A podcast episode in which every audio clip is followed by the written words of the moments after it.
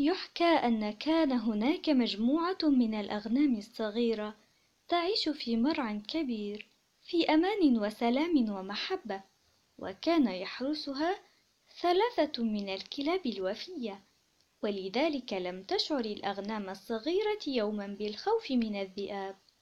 وكان الراعي رجلا طيبا يحب أغنامه كثيرا ويعتني بها.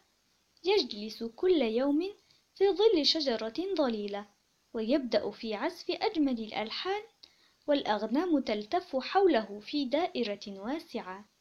وهكذا كانت الحياة الهادئة في المرعى الجميل. وفي يوم من الأيام اقترب ذئب شرير من المرعى وأخذ يراقب الأغنام الصغيرة والراعي ولكنه عندما وجد الكلاب الثلاثة لم يجرؤ على الاقتراب من المرعى ولكنه فجأة لمح الكلاب الثلاثة تتقاتل وتتشاجر فيما بينها وقد اشتغلت عن حراسة الأغنام.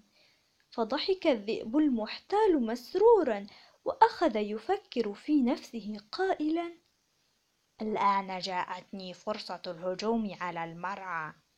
وفعلا اقترب الذئب ببطء من القطيع فرأى نعجة صغيرة تقف وحيدة فانقض عليها على الفور.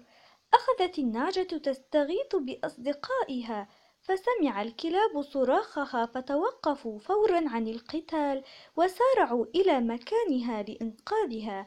وعندما رآهم الذئب قادمين اضطر إلى ترك النعجة ووثب خارج المرعى مذعورا.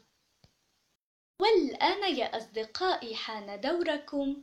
ما رأيكم أن تفكروا قليلا؟ ثم عليكم أن تخبروني. يا ترى ماذا أرادت هذه القصة القصيرة جدا؟ أن تخبرنا.